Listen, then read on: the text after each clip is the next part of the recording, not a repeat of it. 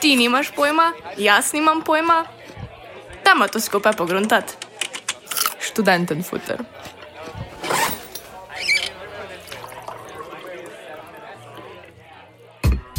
Pozdravljeni v študentu Futru. Danes sva z vami Urška in pa gostujoča Mujca, ki drugače vodi kampanjo XY. Danes nadaljujeva s poročanjem o dogajanju v študentskem domu Ljubljana. Kakšne so zahteve inicijative Mi smo še DL, kam izginjajo obešeni transparenti po študentskih domovih in kako je potekala novinarska konferenca o aktualnih razmerah v ŠDL. Za boljše razumevanje dogajanja priporočava poslušanje prejšnjih oddaj na to temo. Povezave do njih najdete v opisu oddaje. Ne pozabite, da nas lahko poslušate tudi na drugih streaming in podcast platformah. Pregledali bova pa tudi, kaj se dogaja študentsko organizacijo Univerze v Ljubljani in zakaj sta poslanca modrih na sejah raje tiho. Na koncu pa sledi še pregled dogodkov za lažje preživljanje tretjega lockdowna. Poslušate aktualne novice iz študentskega sveta na radiju Basement. Zadnji vikend v marcu so se po študentskih domovih ponovno pojavili protestni transparenti, ki so izražali nestrinjanje z delovanjem uprave, krepitvijo nadzora varnostnih služb in ukinitvijo receptorskega dela. Žal pa večina transparentov ni ostala razobešenih prav dolgo. Protestna sporočila obešena v petek zvečer so bila namreč po navodilih uprave odstranjena že v soboto do povdan. Pri tem pa je dežurni hišnik vstopil v apartmaje in celo sobe stanovalcev, odstranjene transparente pa zasegel z izgovorom, da so last uprave. Je potem takem vsaka juha, ki jo stanovalec obesi skozi okno, last uprave? Aktivizem se je začel širiti tudi v širšo javnost.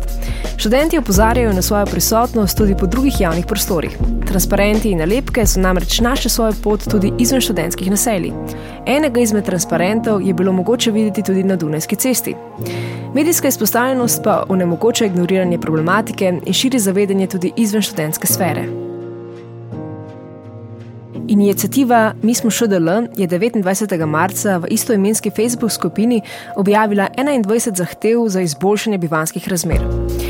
Menijo, da je Zavod ŠDL v zadnjih letih skrenil s poti in začel delovati proti lastnim načelom.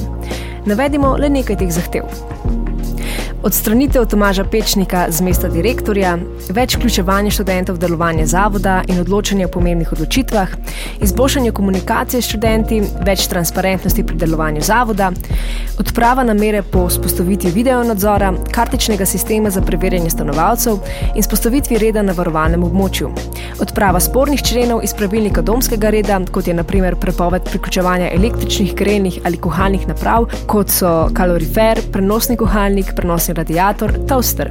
Novo sestavo domskega pravilnika v vzajemnem sodelovanju študenti, dosledno spoštovanje zasebnega prostora študentov in prenehanje nenapovedanih in nezakonitih vstopov v bivalni prostor študentov, ohranitev študentskega doma akademski kolegi pod okriljem ŠDL, več spoštovanja pravic študentov, prebivalcev ŠDL, upoštevajoč dejstvo, da so polnoletni prebivalci Republike Slovenije.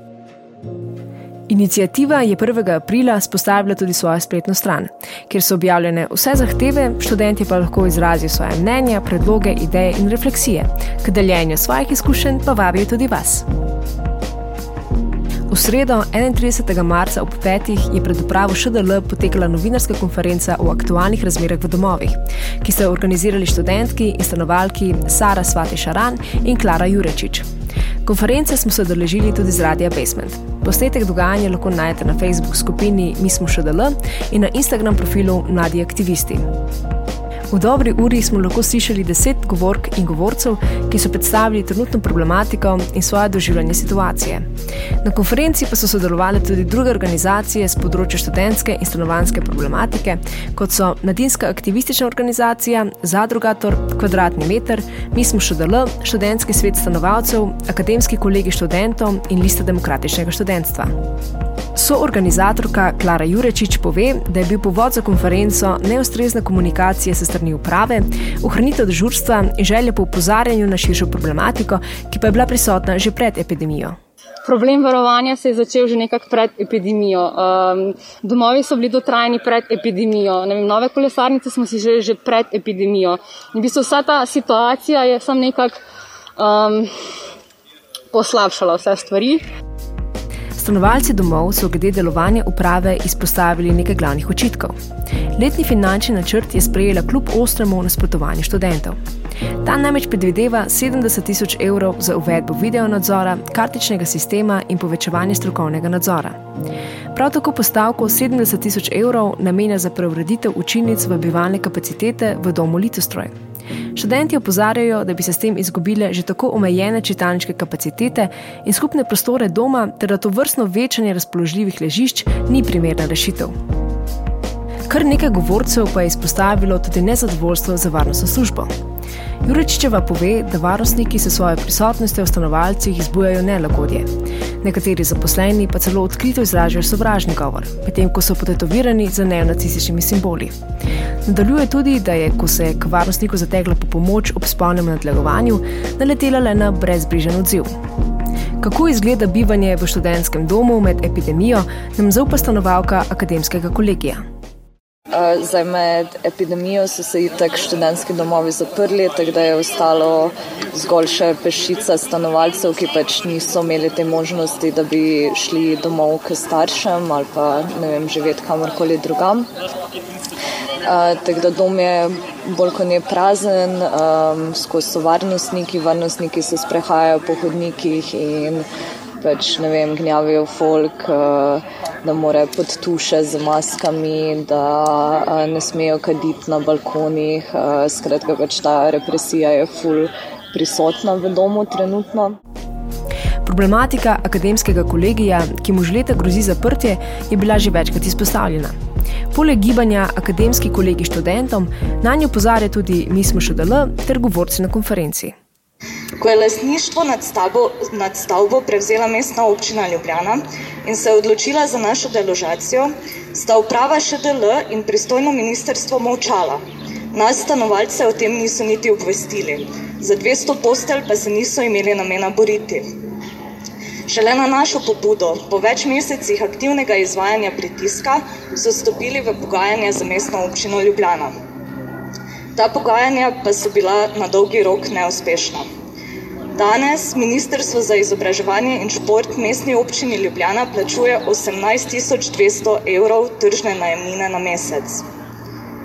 Ta pogodba se bo letos jeseni iztekla. Mestna občina Ljubljana se bo glede usode stanovalcev akademskega kolegija odločila tik pred zdajci, torej tik pred iztekom trenutno veljavne pogodbe. Konferenci je bila večkrat izpostavljena tudi stanovanska problematika mladih v Sloveniji.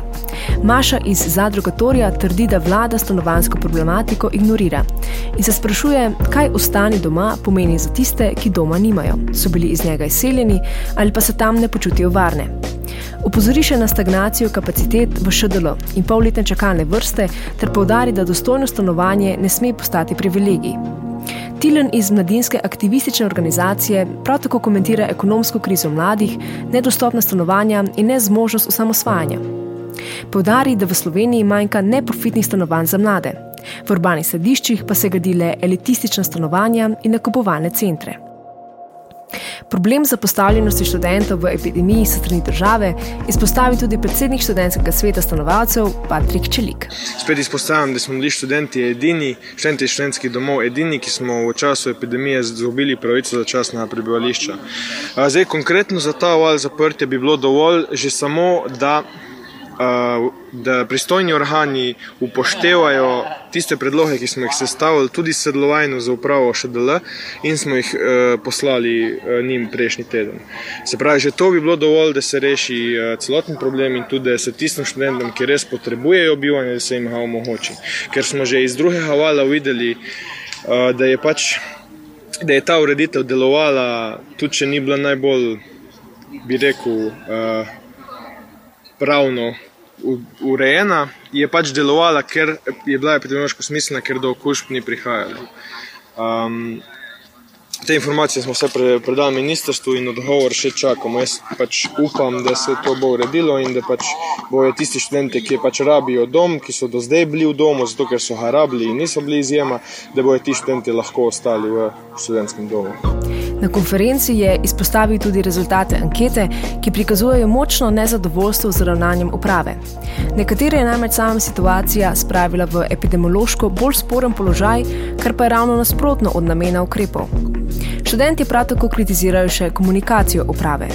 V dnevih pred konferenco so nekateri prebivalci doma, ki so prek e-pošte na upravo naslovili svoje pripombe, prejeli oseben klic direktorja.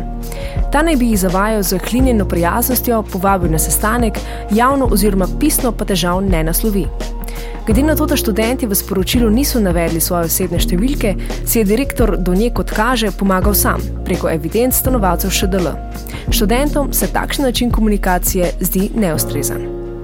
Kako pa se stanovalci, ki trenutno bivajo v domovih, pripravljajo na tretji val zapiranja študentskih domov? Svoje doživljanje pove prebivalec doma 10. Bivanje v študentskem domu preživljam trenutno v redu, vendar pač sem zelo v skrbeh zaradi tega, ker imam redno službo in uh, pač služba ni trenutno do, uh, dovolj dober razlog, da ostaneš v študentskem domu. Uh, tako da pač ne vem, kaj lahko naredimo na tej stvari, da bi lahko bilo to dovoljeno. Uh, Uh, poleg tega, varnosti, ko je zelo veliko, ne moremo se družiti niti pač v teh uh, omejitvah, ki so v državi trenutno dovoljene. Čelik prav tako upozarja, da uprava od samega začetka epidemije ni razširila izjem, ki lahko bivajo v domovih, čeprav je bilo to smiselno. Torej, izjeme se od drugega vala, torej od zaprtja iz konca oktobra, niso spremenile v praktično nobeni meri. Um, to je problematično, je to zdaj v tem primeru, zaradi tega, ker imaš ogromno povsem smiselnih izjem, ki jih je pač nujno vključiti, kot naprimer študente, ki so COVID že preboleli, študente, ki so cepljeni s COVID-om, uh, s COVID cepivom, uh, študente, ki imajo doma naprimer aktivno okuženega člana, trenutno v teh 11 dneh, ni smiselno, da se tak študent vrača domov. Um, in podobno, vse te smo že napisali in smo jih tudi naslovili uh, na ministrstvo. Ampak point je, da, so, da se dejansko izjeme niso razširile iz uh, prv, prvega vala oziroma iz drugega vala. Problematika bivanja v študentskih domovih je bila prepoznana tudi v širši javnosti in deležna je bila tudi medijske pozornosti. Med drugim so podporo javno izkazali tudi šov v Ljubljani, poslanska skupina Zagon in mladi forum SD. Z vse pogostejšim naslavljanjem tematike in delovanjem inicijative bo uprava ŠDL mogoče le prisluhnila študentom in začela upoštevati njihova mnenja ter predloge.